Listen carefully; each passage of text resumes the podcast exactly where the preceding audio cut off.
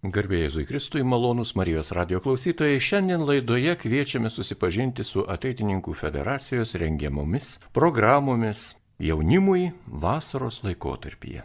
Na ir apie jau tradicija tapusias Ateitininkų federacijos vasaros akademijas studentams ir moksleiviams pasakos šiandien į Marijos radio studiją Vilniuje susirinkę ateitininkai iš visos Lietuvos. Taigi šioje laidoje dalyvauja moksleivių ateitininkų sąjungos nariai Smiltė Vėželytė, Matas Bancevičius ir studentų ateitininkų sąjungos narys Laurinas Būda bei studentams ateitininkams prijaučianti jų bičiulė Neringa Mitsutaitė. Juos kalbina Liutauras Serapinas, taigi sveikinuosi su gerbiamais vasaros ateitininkų akademijos nariais. Garbė Kristui. Garbė. Garbė. Garbė. Nu, ko turėtume pradėti šią laidą? Gal porą žodžių apie ateitininkų federaciją. Kas tai šita organizacija? Nes gali būti žmonių, kurie pirmą kartą išgirdo šį pavadinimą. Galvos, kad futbolą žaidžiate ar ką kitą. Kas jūs esate? Laurinai. Tai yra krikščioniška jaunimo organizacija. Lietuvoje veikinti jau daugiau negu 110 metų. Tai reiškia, kad yra viena seniausių Lietuvoje veikiančių jaunimo organizacijų, kuri vienyje jaunimą kuris savo gyvenimą stengiasi lipdyti ir statyti ant tokių penkių principų. Tai yra tautiškumo, visuomeniškumo, inteligentiškumo, katalikiškumo, šeiminiškumo ir, ir statymas šių principų ir vienyje tuos žmonės, kad tai yra bendros vertybės, kurios subūrė e, moksleivius, studentus bei sendraugius ir skatina kartu keliauti. Tai čia yra tokia keliaujančių žmonių organizacija, kurie eina per savo gyvenimą e, tikėjimo keliu ir stengiasi visą atnaujinti Kristuje. Kažkada iš tikrųjų ateitininkų federacija turėjo aštuonis principus, bet kai kurie principai tiesiog, na, sudėrėjo, labai susiderino kartu ir tapo vienu ir tuo pačiu, sakykime, inteligentiškumo principu arba visuomeniškumo principu, kitu. Taigi, ar šie principai veikia pas jūs? Tai aš manau, kad tikrai veikia. Tai liudija, kad žmonės vis dar nori įsipareigoti organizacijai, nes aš manau, kad ypač jaunimas jie visada atsirenka, kur nori priklausyti, kur nori įstoti, prisijungti ir vien tai, kad kasmet atsiranda naujų žmonių, kurie ryštasi duoti įžodžius ir pasiryšti savo gyvenime sekti šiais penkiais principais, parodo tai, kad tai yra aktualu, kad tai veikia, kad tai nėra tik kažkokia šneka, kad jie mato prasme gyventi pagal šios principus.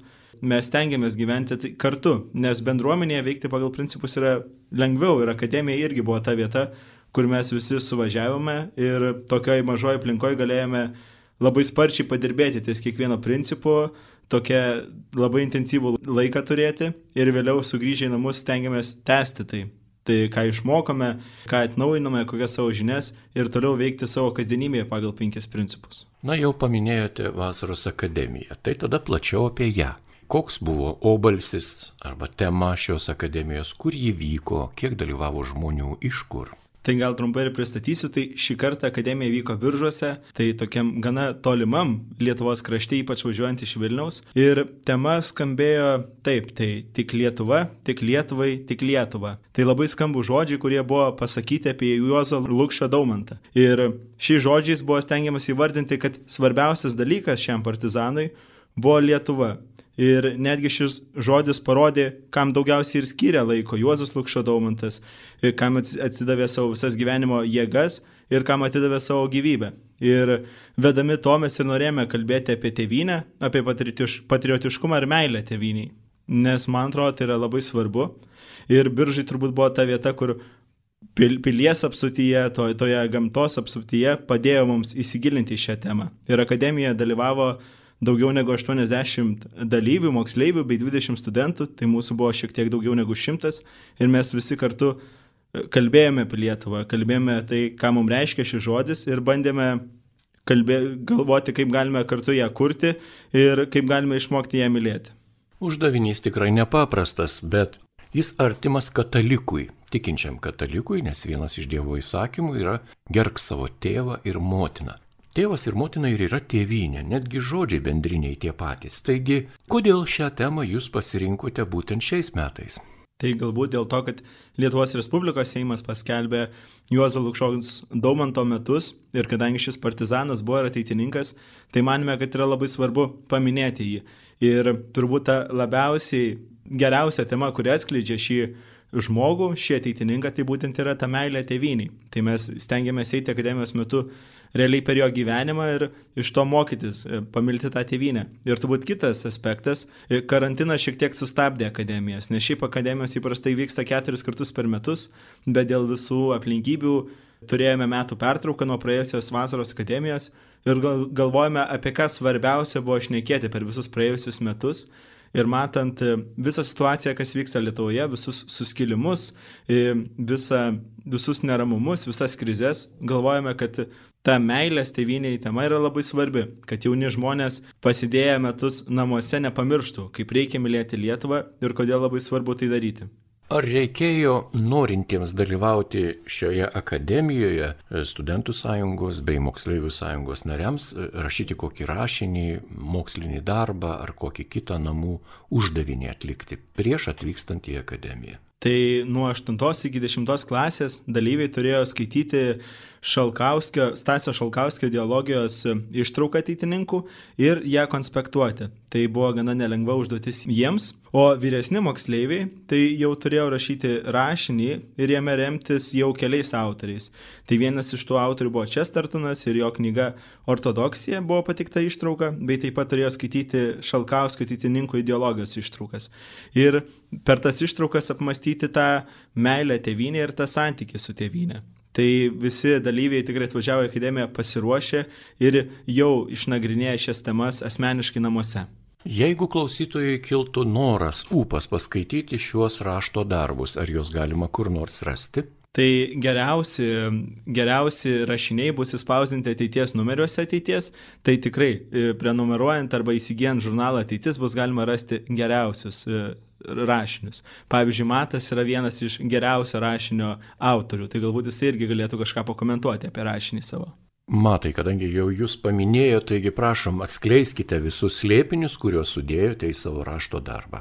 Na, man labai artima tema buvo būtent Chestertono ištrauka, kurioje jisai kalba apie bendrystę, apie tą tautinę bendrystę, apie begalinę meilę savo visuomenį, savo artimiems žmonėm, savo broliam ir seserim. Ir ko iš tikrųjų Lietuvoje gal net trūksta šiuo metu. Tai yra ta bendrystė, tas bendradarbiavimas. Ir tai buvo mano kaip ir kirtinis akmuo viso rašinio, kad atkreipti dėmesį, išaukštinti idėją, kad visi žmonės dirbdami iš vien gali padaryti begalinį progresą tautoje ir, ir pasisemti jėgų tiek iš Kristaus, tiek iš savo bendražygių. Ir tai darydami, manau, kurtume geresnę ateitį. Ir ties tuo ir kaip ir remiausi savo rašinėje. Matai, jūs jau paminėjote savo darbą, na, o kas jums paliko įspūdį iš jūsų kolegų atliktų rašto darbų? Pavyzdžiui, labai geras pavyzdys būtų draugės moksleivės atininkės Žemynos Lukaševičiūtės rašinys, taip pat jis buvo vienas geriausių. Jis labai poetiškai, labai pasakiškai, tiesiog net tą žodžio prasme pertikė e, savo meilę Lietuvai, e, savo meilę tai ideologiniai pusiai labai gražiai, labai romantiškai ir tas labai pakerėjo tiek mane, tiek kolegas moksleivius ir jisai toks buvo vienas įspūdingiausių. Ir tai parodė, kad nebūtinai reikia perteikti savo mintis būtent kaip rašinį. Bet tai galima padaryti labai poetiškai, labai kūrybingai ir labai įspūdingai. Malonus Marijos radio klausytojai, jūs girdite laidą, kurioje apie Ateitininkų federacijos vasaros akademiją šių metų pasakoja čia Vilniuje Marijos radijoje susirinkę ateitininkai ir ateitininkės. Tai Smiltė Vėželytė, Neringa Mitsutaitė, Matas Bandzevičius ir Laurinas Būda. Juos kalbina Liutauras Serapinas. Manau, kad radio klausytojams jau yra pakankamai įdomu girdėti apie tai, kad akademinio amžiaus jaunuoliai ir jaunuolės vasaros metu bevelyje ir toliau tęsti studijas ir studijuoti, mokytis, pažinti daugiau žinoti, daugiau patirti, ne vien tik dirbti arba ilsėtis. Ir iš tikrųjų šis jūsų polikis vasaros atostogų metu, atostogų nuo mokslo galbūt, nuo kasdieninės tokios rutinos, jūsų polėkis kažką pažinti naujo ir su savo draugais, bendražygiais, bendraminčiais, paieškoti kažkokių vieną kitą atsakymą, kuris galėtų būti ir visiems toks universalus, yra tikrai pagirtina šios akademijos ateitininkų federacijos rengiamos, jos turi kokį nors iš ankstinį planą, ar turi kokią nors struktūrą, ar turi kažkokius numatytas kokias nors gairias, kodėl jos taip vyksta būtent taip, kodėl biržuose ir ką kita. Gal Laurinai poro žodžių. Tai tikrai turime labai aišku planą ir už tą planą esame dėkingi šviesaus atminimo kunigui Arvidui Petrui Žygui, kuris buvo Stasio Ilos mokinys Amerikoje ir tais metais, kai Lietuva jau atgaudinėjo nepriklausomybę, jisai iš Amerikos atvežė tą akademijų konceptą, kurį turime šiandieną. Ir įspūdinga tai, kad jau atrodo praėjo 30 metų ir mes vis dar gyvename pač, tuo pačiu akademijų ritmu. Mes vis dar turime tas pačias grupeles, kurios vadinasi gudručiais, pelėmis, zuikiais ir kitais gyvūnais. E, tai yra suskirstimas pagal lygius. Mes vis dar gėdame paukščių giesmę e, po akademijos programos, po vakaro maldos ir panašiai. Ir taip pat vis dar išliko tas e, kunigo Arvido Petro Žygo parvestas e, konceptas, kad akademijos sudara su paskaitomis. Tai mes kiekvieną dieną turime paskaitas, kur, per kurias gilinamės į akademijos temą. Tai šiuo, šioje akademijoje kalbėjome apie tėvynę. Taip pat turime vakaro programą, kurioje irgi stengiamės įvairiais būdais įžengti į tą taip pat akademijos temą. Tai šiemet turėjome ir liaudės šokius, ir spektaklius pagal partizanų dainas, bei kitas vakaro programas. Ir taip pat visą tai vainikuoja įvairios darbuotės, įvairios refleksijos, maldos, mišios ir visi kiti dalykai. Tai toks konceptas, kuris jau turbūt 30 metų ateitininkėje veikia ir e, yra taip užsisukęs, kad turbūt sustoti ir kol kas neketina. Čia studijoje yra ir jaunesnių ateitininkų ir norėčiau netgi paklausti neringos. Ji nėra studentų sąjungos narė, bet prijaučianti. Kas atvedė jūs, gerbama neringa, į šią organizaciją? Tai mano istorija gal nėra tokia standartinė kaip daugumos, tarkim, moksleivių, kurie jau nuo 8 ar 9 klasės atranda ateitininkus, prisijungia prie kuopų veiklos ir e, vyksta į akademijas kasmet per savo e, atostogas. Aš atradau ateitininkus tik tai studijuodama ir jau net ne pirmame kurse būdama. Tai kai mano draugė mane pakvietė prisijungti, tai tuomet jau galėjau vykti tik tai kaip vadovė į moksleivių akademijas ir iš tiesų tai man buvo didelis atradimas Iš tiesų buvo gaila, kad kažkada seniau neprisijungiau anksčiau, būdama moksleivė, tai dabar tikrai visus raginu ir kviečiu drąsiai jungtis kuo anksčiau. Ir um, pati tikrai atrandu daug džiaugsmo dalyvaudama akademijose kaip vadovė, kurdama programą, taip pat vis geriau susipažindama e, su vaikais. Ir taip pat e, stengiuosi įstraukti ir į studentų ateitininkų veiklą, ir dalyvauti taip pat ir jų akademijose. Tai tarkim ir karantino metu, e, nors nebuvo gyvų susitikimų, bet buvo pora tiek moksleivių, tiek studentų akademijų nuotoliniu būdu surinkta. Kas pačioje ateitininkų organizacijos, sakykime, ideologijoje jų žavi neringa?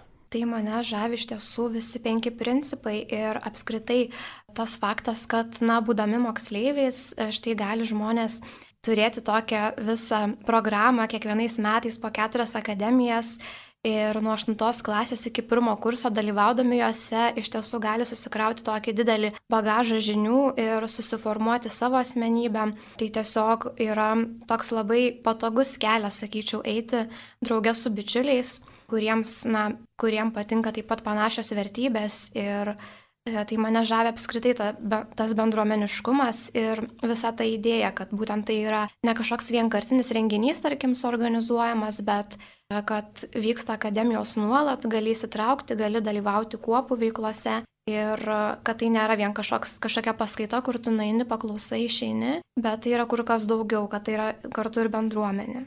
Ačiū už pasidalinimą. Norisi paklausti, žinoma, ir Smiltės. Smiltė, o jums ateitininkų organizacija, kada ji tapo labai aktuali? Tai kai aš, man rodos, prieš šešis metus nuvažiavau į Berčiūnus, tai tapo tradicija važiuoti kiekvienais metais į stovyklą ir po dviejų metų Berčiūnuose nusprendžiau prisijungti ir prie kuopos ir tai tapo mano kasdienybė kiekvieną savaitę įti kuopą Tai prieaugu ir prie to amžiaus, kai galiu važiuoti į akademijas ir jau trečius metus važiuoju ir stengiuosi visur dalyvauti. Tai ypač per akademijas aš labai stipriai prisirašau prie ateitininkų ir neįsivaizduoju nei vienų savo atostogų vasaros be vasaros akademijų ir dar kai nebuvo karantino, tai kitų akademijų, kurios vyko, tai atneša labai didelį džiaugsmą, labai gerus prisiminimus, kurie išlieka labai ilgą laiką ir tu jais gyveni. Smiltė, jūs esate moksleivė, taip? Taip. Ar jūsų klasėje, tavo klasėje, ar yra ateitininkų dar? Ne, nėra aš vienintelė. Tai ar jūs nesijaučiate klasėje esanti vienišė? Ne, nesijaučiu dėl to, kad klasėje visi žino, kad aš esu ateitininkė ir jie mane labai palaiko ir aš raginu šį prisijungti bet dauguma neturi laiko, tai nenori. Nu, yra tokių žmonių, kurie tiesiog sako ne. Bet tikrai nesijaučiu vienišė tokia, kad mano mokykloje plamai nėra jokių ateitininkų. Tai aš jaučiuosi gal kaip tik labiau didesnis pavyzdys, kad daugiau tokių turėtų būti.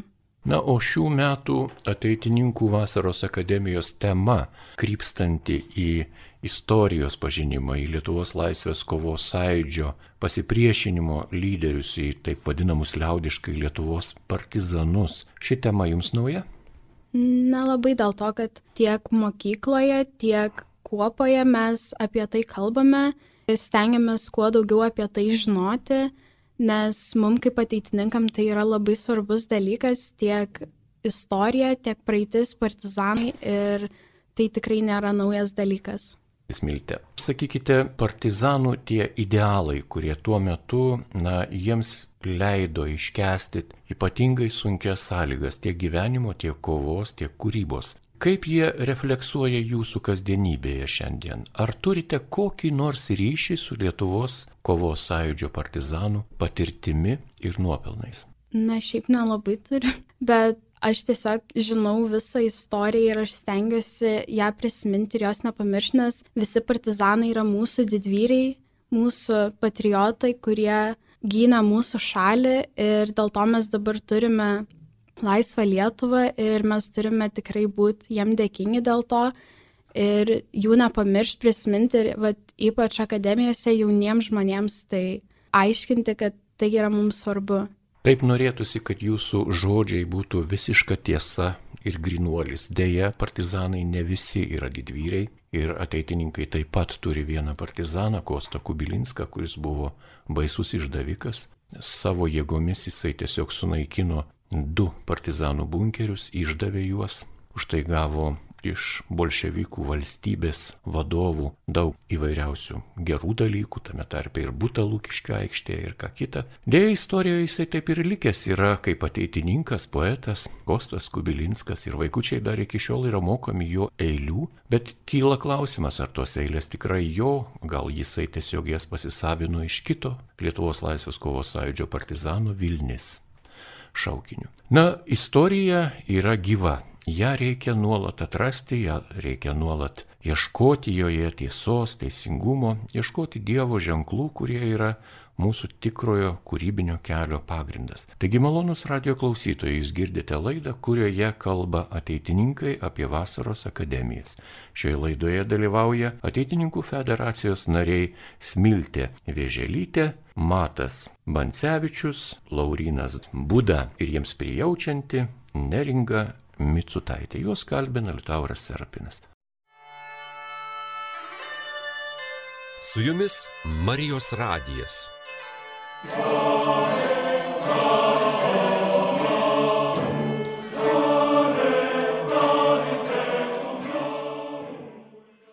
Tęsėme laidą. Norisi eiti vis gilin, gilin į tą slėpinį, kuris vis dar jaunimą pagauna ateitininkų vykdomuose renginiuose ir norisi vėlgi paklausti apie šių metų akademiją. Kas dar buvo įdomaus šioje akademijoje? Be temos, be, sakykime, akademinės dalies, kas ten ypatingo dar? Tai turbūt dar yra labai svarbu paminėti žmonės, kurie padėjo leistis į šią kelionę, tai žmonės, kurie mums atskleidė akademijos temą. Tai pirmąją paskaitą mums pravedė Lietuvos Respublikos Seimo narė Liudvika Pociūnenė. Tai jinai kalbėjo apie tai, kaip Lietuva prasidėjo jos namuose. Jinai daugiau liūdėjo savo šeimos istoriją ir savo istoriją, nes jos artima giminaitė buvo tremtinė Stefanija Ladigienė, tai tikrai jinai pasidalino gana įkvepiančią istoriją. Vėliau turėjome kunigą Marių Talutį, kuris e, savo pavyzdžių mus mokė mylėti Lietuvą. Jisai savo pasakojimų įkvėpė domėtis Lietuvos kultūrą, Lietuvos kalba, liep, įkvėpė aplankyti tūkstantį dvarų, tūkstantį bažnyčių ir tūkstantį piliakalnių. Taip. Tai buvo tikrai labai įkvepianti paskaita, įkvepianti keliauti ir pažinti Lietuvą, prisijaukinti ją.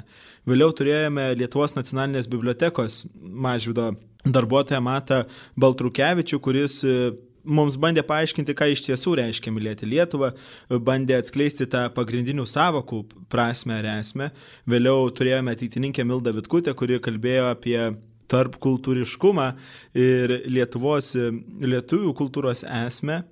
Ir vėliau turėjome Vyganto Malinausko paskaitą, taip pat ateitininko, kuris mums priminė ateitininkų indėlį, kuriant Lietuvą vakar ir šiandien. Tai irgi buvo labai svarbi tema, kai galėjome peržvelgti, ką mes esame padarę dėl Lietuvos.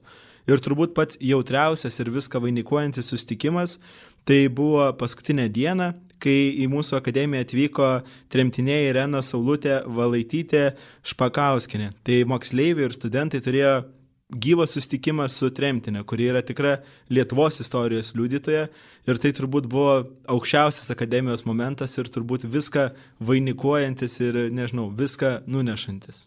Kiek ilgai vyko jūsų akademija? Tai akademija vyko penkias dienas, nuo rūpiučio 26 iki 30. Kaip jūs atvykote į tą akademiją? Gal turėjote kokias dar papildomas stovyklas prieš atvykstant į akademijos stovyklą, susibūrimą? Tai į akademiją tokiu paprastu būdu atvykome, tai turėjome užsakytus autobusus, Tai moksleiviai nuo ryto sulipo autobusus, e, bendravo autobusuose, šiek tiek apšilo, prisiminė vienas kitų vardus, kurie galėjo pasimiršti per metus, prisiminė veidus ir jau vadovai jų laukia labai biržuose. Biržuose vos tik išlipusi iš autobusų realiai ir prasidėjo visas akademijos vajus, visas akademijos veiksmas, šurmulys, dainos, šokiai, paskaitos ir visa kita. Ir taip pat su tomis pačiamis dainomis ir šokiais vaikai po akademijos sulipo autobusus ir važiavo į namus. Bendravimas su vietiniais žmonėmis, su vietinė parapija, su klebonu. Koks? Tai buvo labai artimas, tai mes kiekvieną dieną turėjome mišes, e, parapijos bažnyčią, taip pat turėjome ne vienerias mišes su parapijos bendruomenė ir parapijos bendruomenė buvo labai sujautrinta akademijos dalyvių choro, nes e, ateitininkės Mildos Vitkutės dėka turėjome labai didelį akademijos dalyvių chorą, kur galbūt buvo 30 choristų, tai jie per akademiją spėjo taip survietoti kūrinius, kad tikrai jautrino visų širdis. Ir dar vienas labai svarbus aspektas, kad darbuočių metu ateitininkai keliavo pas biržiečius, kuriems reikia pagalbos ir padėjo atlikti įvairius darbus. Tai dalis ateitininkų važiavo pas senyvų žmonės, kurie negali išsivalyti savo langų ir valė langus, nešiojo malkas, tvarkė kiemą ir darė kitus darbus. Tai tikrai skirime labai didelį dėmesį tiek biržam, e, vaikščiodami po juos, e, tiek bažnyčiai ir taip pat žmonėms, kuriems pagalbos reikia. Tai tikrai buvo aplankytos galbūt septynios namų šeimos. Tai man atrodo, tai yra labai svarbu, užmesgant tą kontaktą ir paliekant tą įspūdį biržiečiams iš ateitininkų. Ateitininkų veiklos istorijoje buvo tam tikri laikotarpiai, kai buvo mąstoma, galvojama, strateguojama ir ieškoma įvairių atsakymų, net ir kuriant veiklą pagrįsta principų tam tikrais idealais. Ir buvo galvojama, ar turėtų būti katalikiškumo principas ar krikščioniškumo. Manau, kad birža yra tokia būtent Lietuvoje vieta, kur evangelikai liuteronai ir protestantai kiti Jie yra taip pat krikščionys, ten užima, na, pelnytai labai deramą gražią vietą. Ar turėjote susitikimų vien su katalikais, ar ir kitų krikščionių bendruomenės jūs turėjote galimybę aplankyti? Tai kitų bendruomenių neaplankėme ir su žmonėmis nesustikome, bet tikrai būdami biržuose, vaikščiodami po tą miestą, matėme tikrai daug kitų konfesijų e, tikėjimo namų, bažnyčių. Tai tikrai šitos e, temos, nors kažkaip nebuvo kažkaip įtrauktos specialiai į programą, bet su vaikais tikrai pasikalbėjome apie tai, kad štai ir esame galbūt netoli Latvijos sienos ir dėl to galbūt čia tikrai yra daug kitų konfesijų tikėjimo namų. Tai bent jau šita tema buvo paliesta tokiuose pavieniuose pokalbiuose. E, su vaikais. Mūsų laida įpusėjo ir netgi peržengė slengsti pusės. Na ir norisi dabar jūsų asmeniškai paklausti, o kas asmeniškai paliko tokį neišdildomą, smagiausią įspūdį šioje akademijoje. Gal ir pradėkime nuo smiltės. Tai man akademija labiausiai paliko didžiausią įspūdį, tai turbūt visos vakaro programos ir vadovų meilė vaikams, nes kiekviena vakaro programa būdavo suorganizuota taip, lyg atrodo, įruošęs labai ilgai o vadovai visada labai stipriai atsiduoda moksleiviams savo vaikam ir tas yra labai labai gražu, kai tu gali aukti su vadovais ir jausti jų meilę. O jums neringa? Man tai labai įstrigo apskritai pats biržų miestas. Man labai graži yra ta tradicija, kad akademijos kas kart vyksta vis kitame mieste. Ne tik didžiuosiuose Lietuvos miestuose, bet štai buvo biržuose, taip pat seniau yra buvę Rusnėje, Marijampolė, kitose miestuose. Tai tikrai visi buvo ko gero sužavėti e, šiuo miestu ir jis apskritai priminė labai apie pačią akademijos temą, kad galėjome vėl iš naujo pamatyti, kokia Lietuva yra graži, kokia graži jos gamta. E, taip pat man įstrigo šioje akademijoje, kad buvo labai daug dainų kad e, daug dainavimo partizanų, kitų liaudės dainų, taip pat buvo e, spektakliai kuriami pagal partizanų dainas. Tai buvo toks gražus akcentas ir labai gražiai irgi papildė tą akademijos temą, nes ko gero nedažnai galime savo kasdienybėje galbūt kartu visi dainuoti tiesiog. Ir taip pat be abejo labai įstrigo e, tremtinės Sirenos Saulutės paskaita, pokalbis su ją, jos pasidalinimai, tai e, tikrai ta paskaita vainikavo akademiją visą ir įstrigo daug įvairių pasakojimų jos, bet iš esmės tai e, labiausiai gal įsiminė jos meilė gyvenimui ir kad jos tie žodžiai, kad suspėsime dar išeiti į pensiją ir kad e, viskas Lietuvoje jai yra artima ir gražu ir galbūt, pavyzdžiui, per pačią akademiją, kadangi buvo daug lietingų dienų, e, gal kažkiek nusiminėm dėl to, bet ji priminė mums, kad, pavyzdžiui, lietuviško lietaus ji buvo labai pasilgusi, kai buvo ištremta prie Laptevų jūros ir tiesiog padėjo mums galbūt e, dar labiau pastebėti tokias smulkmenas kasdienės ir džiaugtis jomis. Ačiū neringa, o jums matai? Na, pantrinsiu neringai, kad man irgi tokia višnaitė ant torto visoje akademijoje taipogi buvo Saulutė. Buvau iš tikrųjų nustebęs, kad turime tokį svečią ir kad vis dar šiais laikais galima sutikti tokių žmonių ir kad jie yra pasiryžę pasakoti savo patirtis tokiems jauniems žmonėms, nes reikia pasakoti iš tikrųjų, kas buvo, kaip buvo, ypač kai jinai ir yra įkvėpimas knygai tarp pilkų debesų. Ir labai yra įspūdinga e, matyti tokią garbaus amžiaus moterį, tok, tokią, tokią šviesę ir tokią besidžiaugiančią, tokią laimingą ir tokią užsidegusią dalintis savo patirtimi ir savo gyvenimu. Tai manau, Saulutė man ir buvo tas akcentas. Ačiū, Matai. O jums, Laurinai? Tai aš irgi labai noriu paminėti Saulutę, nes ji buvo tikrai kažkoks, nu toks mažas stebuklėlis, kažkaip atrodo toks labai mažas, šviesus žmogus, kuris savo paprust, paprastumu sujaudino visus, kažkaip e, teko sėdėti priekį ir jau kaip pats šluoščiau ašarą savo nuo veido, atsisuku ir mačiau, kad tikrai ne vienas buvo, kad ir, ir vaikinai, ir merginos girdėdami tą liūdimą, tą nuoširdumą ir meilę Lietuvai tikrai braukė ašaras ir tos ašaras turbūt labai stipriai vainikavo tą akademiją ir tikrai įkvėpė mylėti Lietuvą ir kažką kito daryti grįžus į namus. Ir dar vienas įsimintinas momentas, tai buvo paskutinis vakaras akademijoje jau pagal tokią šiek tiek tradiciją, tai buvo talentų vakaras, kai tiesiog akademijos dalyviai galėjo registruotis, kas norėjo šokti, kas norėjo dainuoti ir atlikti savo paruoštus pasirodymus. Ir tai man buvo kažkoks labai didelis e, stebuklas ir jaukumas, kai, kaip noriai tie dalyviai dalinasi savo talentais. Mes pradžioje buvom numatę, kad tas talentų vakaras truks pusantros valandos, jisai man atrodo galiausiai gal pustrečios vos netruko, nes tų talentų buvo be galo daug. Visi dainavo ir kuopomis, ir pavieniui, ir šoko, ir, ir dalinosi tai, ką turi brangiausia. Ir tas nuoširdumas e, mane labai irgi sujaudino, kad kažkaip moksleiviai nebijo savo tarpę dalintis tai, ko moka, tai, ką išmoko akademijai. Ir tai yra labai gražu, kad jie dalinasi, kad jie dainuoja kartu, kaip jie palaiko vienas kitą. Toks labai jautrus bendrystės momentas buvo. O ką Jūs pasakytumėte, Laurinai, apie šios akademijos aptarimą? Ar jau darėte? Nes minėjote, kad iš šimto žmonių maždaug 20 buvo vadovų, taip? Taip, tai teko būti vyr vadovu šioje akademijoje, tai rūpintis visais vadovais ir akademijos dalykais. Ir tikrai e, aptarimą vadovų padarėme vos išlydėję vaikus į autobusus, kad e, kol viskas yra šviežia, kol dar e, tos e, aukščiausi ir žemiausi momentai yra širdyje ir galvoje, tai stengiamės viską aptarti, viską sukonspektuoti ir palikti tiek savo ateityje organizuojant akademijas, tiek kitoms kartoms, kad nereikėtų kartoti tų pačių klaidų arba kad visi žinotų, kad verta yra kviesti Saulutį į akademiją, nes jinai yra tikrų tikriausia bomba. Na, jeigu atvirai, ar eterija galėtumėte, pavyzdžiui, įvardinti didžiausius pasiekimus arba didžiausius nepasisekimus? Tai didžiausias pasisekimas turbūt buvo, jau dar kartą paminėsti, ta tremtinė, kad mes kažkaip išdrysome ją pakviesti ir atradome būdus ją kažkaip atsivežti į biržus iš Kauno ir kad padovanojame šį susitikimą su moksleiviais. Ir man atrodo, moksleivių ašaros, jų reakcijos ir tai, kad jie visi kalbėjo, kad tai buvo kažkas wow, parodė, kad tai buvo labai vertingas susitikimas. Turbūt tokie silpnesni momentai, tai visada yra sunku atrasti komunikaciją su, su paskaitininkais. Tai ne visada pasisekė iškomunikuoti paskaitininkams, ko mes būtent norime, kad jie kalbėtų. Nes vieni paskaitininkai turi daugiau viešojo kalbėjimo patirties, kiti mažiau. Ir tas labai jautėsi, kad ne iš visų paskaitininkų gavome tai, ko tikėjomės ir ne visos temos buvo pilnutinai išpildytos, kaip norėjomės. Bet tada stengiamės vadovai jau taisyti šitas klaidas per vakaro aptarimus, per e, kitas e, dalis, kad galėtume tikrai pasiekti tą, ką buvome užsibrėžę.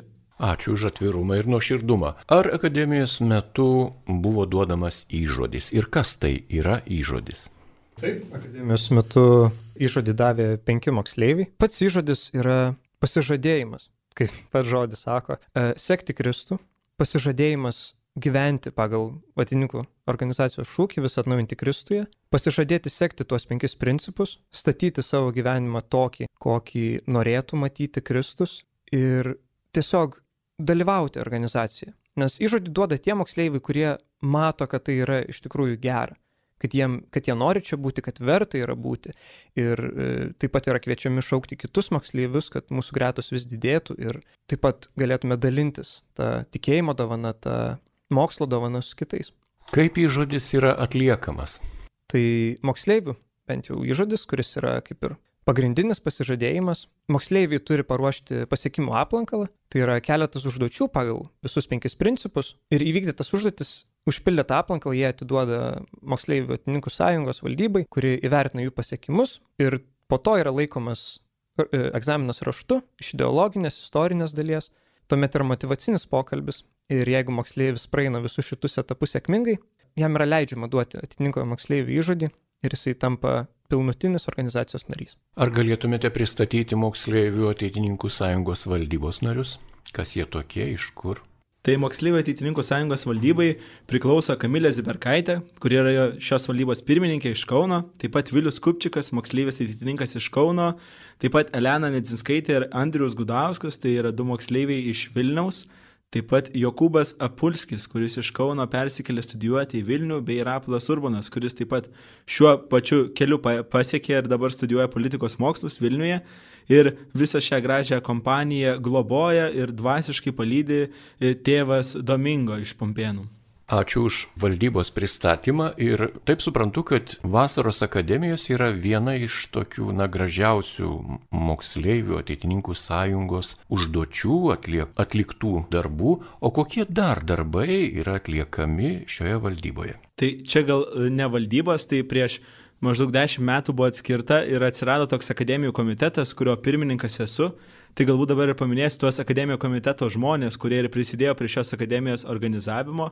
Tai kaip jau minėjau, aš, Laurinas, taip pat komandoje pas mus yra klierikas Linas Braukyla, studentė e, Saulė Satkauskinė, taip pat studentė ateitininkė Eglė Raicevičiūtė, Milda Ivanauskaitė, bei taip pat iš MAS valdybos Jokūbas Apulskis. Tai šie žmonės ir stengiasi organizuoti tą akademiją ir buvo už ją atsakingi. Kaip jūs susitvarkote? Jūsų nedidelis būrys, o Lietuva didelė, ateitininkų kuopos pabirusios po visą šalį plačiai, kaip bendraujate, komunikuojate, kaip renkate idėjas ir ką kitą. Tai akademijų komitetas ir moksleivių ateitininkų sąjungos valdyba taip tarpusavį labai stipriai bendradarbiauja ir yra pasiskirstę. Tai akademijų komitetas pasilieka tik tas akademijas, kurios įprastai vyksta keturis kartus per metus, tai tikrai yra toks tempas, nes mes vos spėjome suorganizuoti vasaros akademiją, vos spėjome ją aptarti ir jau dabar įrašinėjame laidą apie vasaros akademiją, bet dar vakar pradėjome galvoti apie rudenio akademiją. Toks yra labai spartus tempas, todėl moksleivių ateitininkų sąjungos valdyba tais rūpinasi kitais klausimais, bendrauja su kuopomis, būrė jas, kažkaip stengiasi suvienodinti jų veiklą, kad skirtingose kraštuose moksleiviai gyventų bent jau panašių pulsų. Ir tai yra labai nelengvas darbas, bet galbūt padeda tos gilios organizacijos tradicijos, tos gilios šaknys, kurios tikrai suteikia ir stiprybės, ir aiškumo, kad e, daug maž visiems yra aišku, apie ką yra ateitininkai ir apie ką mes visi turime būti. Tai kartais reikia tiesiog padiktuoti tempą, kad visi vienodų tempų keliautume ir pavyksta susiderinti. Na ir laidos pabaigai pasidalinkite ateities planais. Kokie jie? Tai ateities planai dar kol kas tokie e, labai neryškus, bet, e, stengi, bet jeigu situacija leisti rudenį per, per moksleivių atostogas pakviesime į Rudens akademiją, e, kurios metu mes stengsime kalbėti apie kultūrą ir meną. Tai toks lietus, tokia ateinanti tamsa mus kažkaip pritrauks prie poezijos ir kitų kultūros ir meno rūšių. Tai gilinsimės į šias temas ir artimiausių metų www.ateitis.lt bus paskelbta informacija apie akademijos vietą, registraciją, datas ir visus kitus dalykus. Gal turite kokių palinkėjimų savo kolegoms, bičiuliams, draugams, kurie irgi galbūt klausėsi šios laidos, gal kažko nepaminėjote ypatingai svarbaus dar. Taigi. Aš norėčiau dar paminėti vieną žmogų, tai Stasė iš Biržų nes akademijos visada keliauja po skirtingus miestus ir kartais yra labai sunku e, atrasti tą santykį ir su parapija, ir su mokykla, nes nu, yra sunku apgyvendinti ir šimtą žmonių ir dar susiderinti su klebonu, kad mes kiekvieną dieną eisime į mišes ir panašiai. Bet biržuose turėjom stebuklingą moterį, tai yra Stasė, kuri viską padėjo padaryti, kuri pasirūpino, kad turėtume mokyklą, kuri pasirūpino, kad gautume bažnyčios stogą, kad kiekvienas akademijos dalyvis gautų paobulį ir kreušį ir daug kitų dalykų. Tai tikrai Stasė tikiuosi, kad jūs klausotės klausytojas mūsų ir mes labai nuoširdžiai dėkojame dar kartą Jums. Aš norėčiau dar pasinaudodama progą taip pat pakviesti visus moksleivius jungtis į kuopas. Ir dabar kaip tik prasideda naujas kuopų sezonas, tai e, beveik kiekviename mieste, kiekviename krašte galite rasti savo amžiaus kuopą ir tuomet tikrai daug lengviau ir drąsiau kartu su draugais vykti į akademijas. Tai informaciją apie tai, kur ir kada vyksta kuopas, galite rasti ateitininkų moksleivių Facebook puslapyje, taip pat puslapyje www.ateitis.lt.